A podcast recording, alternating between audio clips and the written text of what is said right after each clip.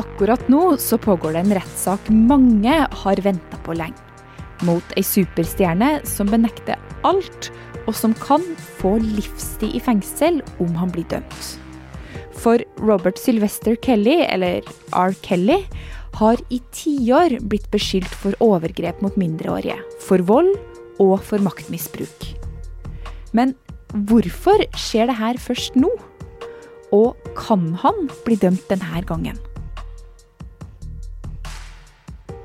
Du hører på Forklart fra Aftenposten, og er Marit Eriksdatter Gjelland. I dag er det torsdag 26. august. Historien om R. Kelly er rett og slett historien om 90-tallets største R&B-stjerne, som er anklaget for å stå bak det verste maktmisbruket musikkbransjen har sett. Sandeep Singh er programleder i podkasten Musikkrommet og journalist i NRK. Og artisten han snakker om, er for tida å se utenfor et rettslokale i Chicago i USA. I horven av pressefolk gjemmer han seg bak solbriller og en stor paraply. Mannen som en gang sto på scenen foran tusenvis av fans, vil nå helst ikke bli sett i det hele tatt. Men hvordan havna han her? Den historia starter på 90-tallet. Jeg så ekstremt mye på eh, MTV som barn. Eh, også sent på kveldene, da de litt grovere videoene dukket opp. Og da husker jeg en låt som het Sex Me av R. Kelly.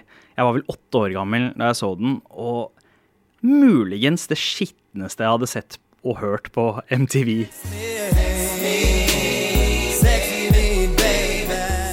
Det klareste minnet jeg har derfra, er uh, R. Kelly med en svart vest og ikke noe under. Den er åpen, og han driver liksom holder hendene opp og trygler nærmest om sex. Så er det en anonym kvinneskikkelse med uh, mye zooming på rumpa, og uh, det, det var bare Det oste liksom forbudte ting. For en åtteåring, da, i hvert fall. Men du, eh, Sandeep, du var jo ikke den eneste som satt med store øyne og så på det her. Og denne sangen ble en sexmiddag, det ble en stor hit. Og etter det så kom det mange andre også. Eh, og den kanskje aller største hiten til R. Kelly, det er jo I Believe I Can Fly. Ja. I Believe I Can Fly var um, hovedlåta fra lydsporet til barnefilmen Space Jam med Michael Jordan i hovedrollen. Michael Jordan og Snurre Sprett, faktisk. Uh, så R. Kelly fikk jo innpass inn i alles hjem, uansett alder. Uh, det gikk rett i hjertet på også oss barn. Så uh, han ble rett og slett stuerein. Solgte totalt omtrent 75 millioner plater, både album og singler, i løpet av 90-tallet, og regnes dermed som den mest vellykka R&B-artisten på 90-tallet. Hva er det da med den uh, musikken til R. Kelly som gjorde at han ble så populær? Det ene var jo den kontroversielle effekten uh, som virkelig funka. Her er det en R&B-sanger som direkte sier det alle andre R&B-sangere sier mellom linjene. Han var totalt ærlig om hvor kåt han var, men så viste han samtidig også hvor følsom han kunne være, og hvor fengende poplåter han fikk til. Han skrev også You Are Not Alone for Michael Jackson, som er en veldig sår eh, ballade. Og I Believe I Can Fly, som er en veldig inspirerende tekst. But now I know the meaning of true love. Eh, sammenlignet da med låter som Sex Me og Bump and Grind, som beskriver eh, i ganske grei detalj hvordan man skal utføre sex.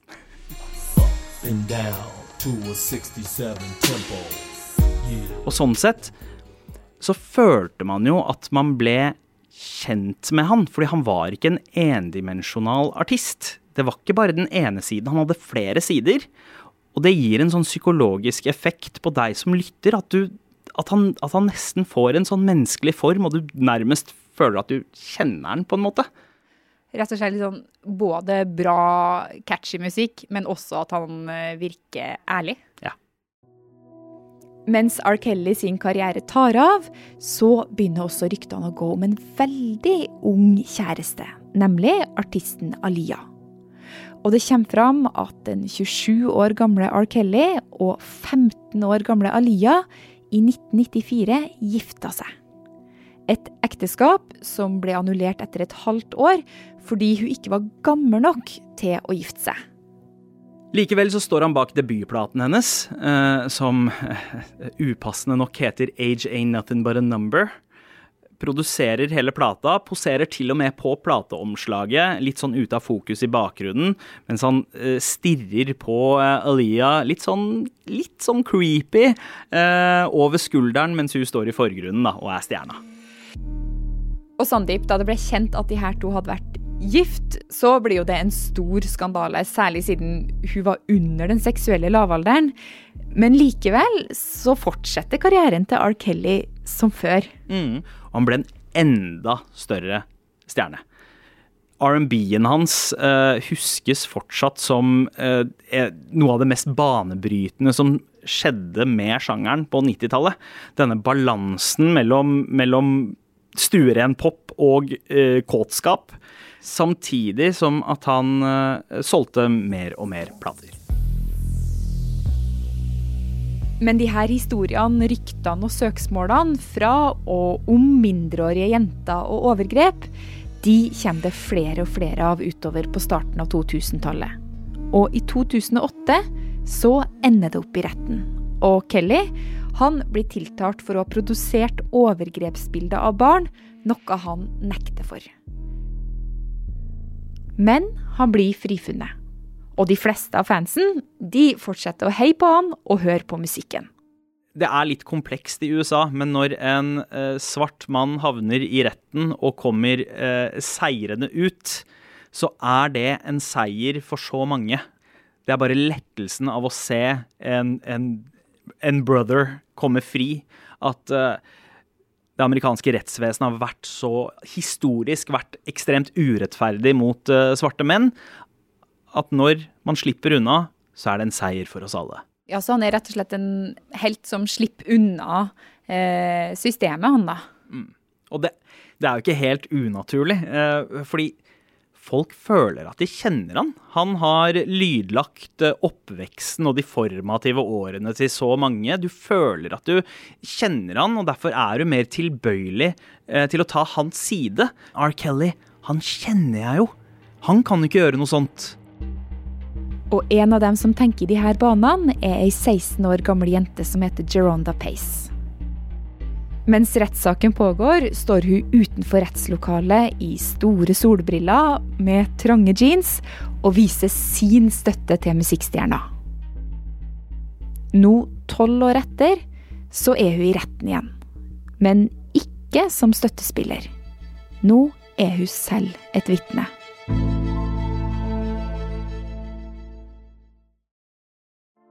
Etter rettssaken i 2008 så blir Geronda Pace en del av livet til R. Kelly. Og etter hvert så flytter hun også inn hos han. Men det skal ta mange år før historien om hva som skjer innenfor husets vegger, blir kjent. For R. Kelly han fortsetter som før. Han slipper ny musikk, blir nominert til Grammy, og Billboard kårer han til en av verdens beste R&B-artister.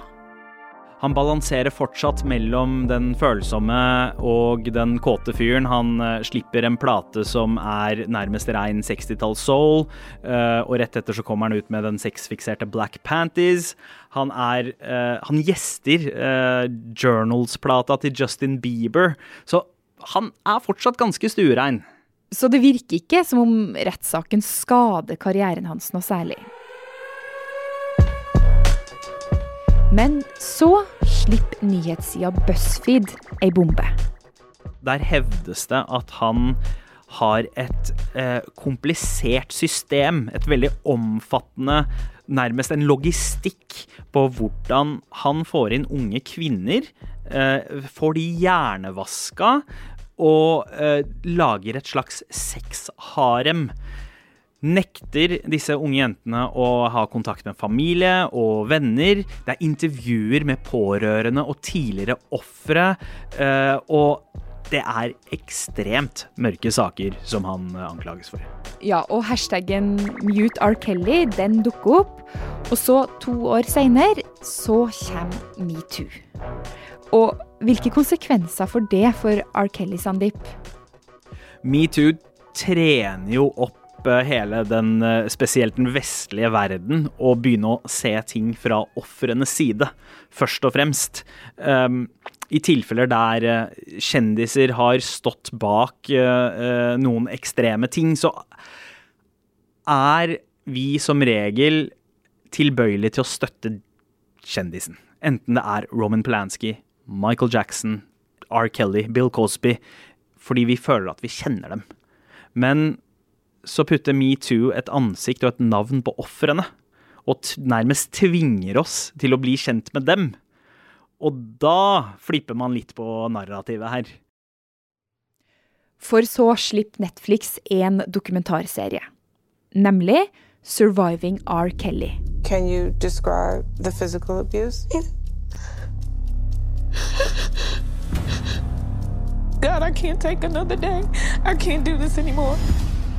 Kvinne etter kvinne forteller hvordan de har blitt seksuelt misbrukt og kontrollert mens de har bodd hjem hos ham. He told me to perform sexual acts while his friends were in the back seat and like humiliated me in front of everyone. It was like he owned me. Og en av dem som dukker opp, er Geronda Pace. If I was about to brush my teeth, I had to let Rob know. If I wanted to take a shower, he had to know. And then uh, when guys came around, I had to put my head down or I had to turn and face a wall. The longest I've gone without food at his house was three days. I was surviving off water and some peanuts that I had. R. Kelly han benekter alt det her, og et intervju med CBS går etter hvert verden rundt. Det, det, intervjuet er jo eh, litt av et fyrverkeri, da. Do you still sit here and say you have never been with underage girls? Can you really say that? I sit here and say this. I had two cases back then. R. Kelly starter eh, ganske avmålt eh, i det hele og svarer på spørsmålene, men blir mer og mer emosjonelt revet med. Ender opp med at han står der og nærmest hylgriner. Quit playing. I didn't do this stuff. This is not me. I'm fighting for my life.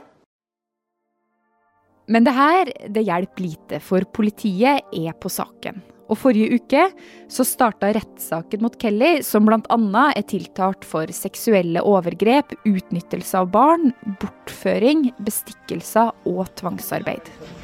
Finally going to have his day in court. where justice will be served, and you'll get to hear the whole story. Og den aller første i vitneboksen var nå 28 år gamle Geronda Pace fra dokumentaren. Hun forteller om da hun bodde hos R. Kelly som tenåring, at hun måtte kalle han daddy, og at sexen de hadde, ble filma. Hun forteller også at hun en gang ble kvalt til hun besvimte fordi hun brøyt reglene. Og i løpet av rettssaken så skal flere kvinner vitne om lignende ting.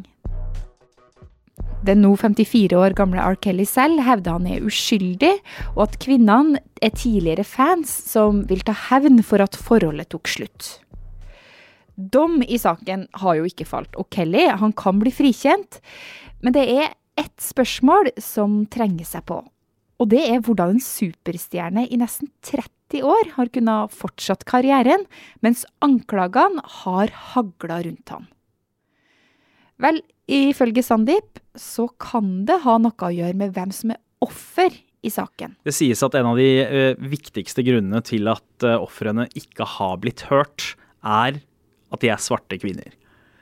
USA har en historie uh, med det, i likhet med at svarte menn oftere havner i fengsel, så opplever svarte kvinner at de ikke blir hørt når de melder ifra. Politiet tar det ikke alvorlig, mediene bryr seg ikke. Og R. Kelly-saken ses på som en bekreftelse av akkurat det. Men det er ikke den eneste grunnen. Det andre handler om penger. Hadde det vært en hvilken som helst annen artist som ikke var like svær, så ville det nok ha blitt tatt tak i tidligere. Men vi snakker om 90-tallets mestselgende R&B-stjerne. Han har generert enorme mengder penger. Og det skal mer til å stenge den pengekrana. Så musikkbransjen, labelet, de har jo holdt på og nærmest latet som ingenting. Hm. Sandeep, hva forteller denne historien da om musikkindustrien? At, uh, at det har skjedd et skifte der uh, pengene eh, egentlig har vært hovedfokuset. Men etter metoo så har verdier blitt enda viktigere. Eh, artister blir uh, droppet av uh, plateselskapet for homofobe tweets eller kvinnefiendtlige holdninger.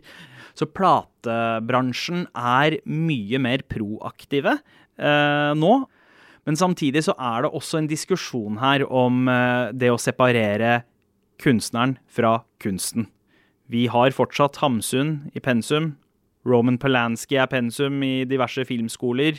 Hvor går grensa på hva en artist eller en kunstner kan ytre, og hvorvidt vi som konsumenter skal ha dårlig samvittighet eller ikke for å eh, ta inn kunsten deres. Nå eh, er det jo en veldig stor eh, rettssak som pågår. Vi er etter metoo. Eh, det har skjedd ting i verden. Altså, er det slutten for eh, R. Kelly nå, eller eh, kan vi, se, kan vi, se, for oss at han kommer til å slippe musikk og fortsette på samme måte som han har gjort opp, opp gjennom alle de her årene? Om han blir frifunnet, så er han jo fri til å fortsette å slippe musikk. Men hvis man ser på hvordan stemningen er, skiftet som har skjedd etter metoo, han kommer nok ikke til å bli spilt på radio. Han kommer nok ikke til å få mye TV-tid. Så han er nok avhengig av de fansene som elsker han såpass mye at de fortsatt oppsøker han.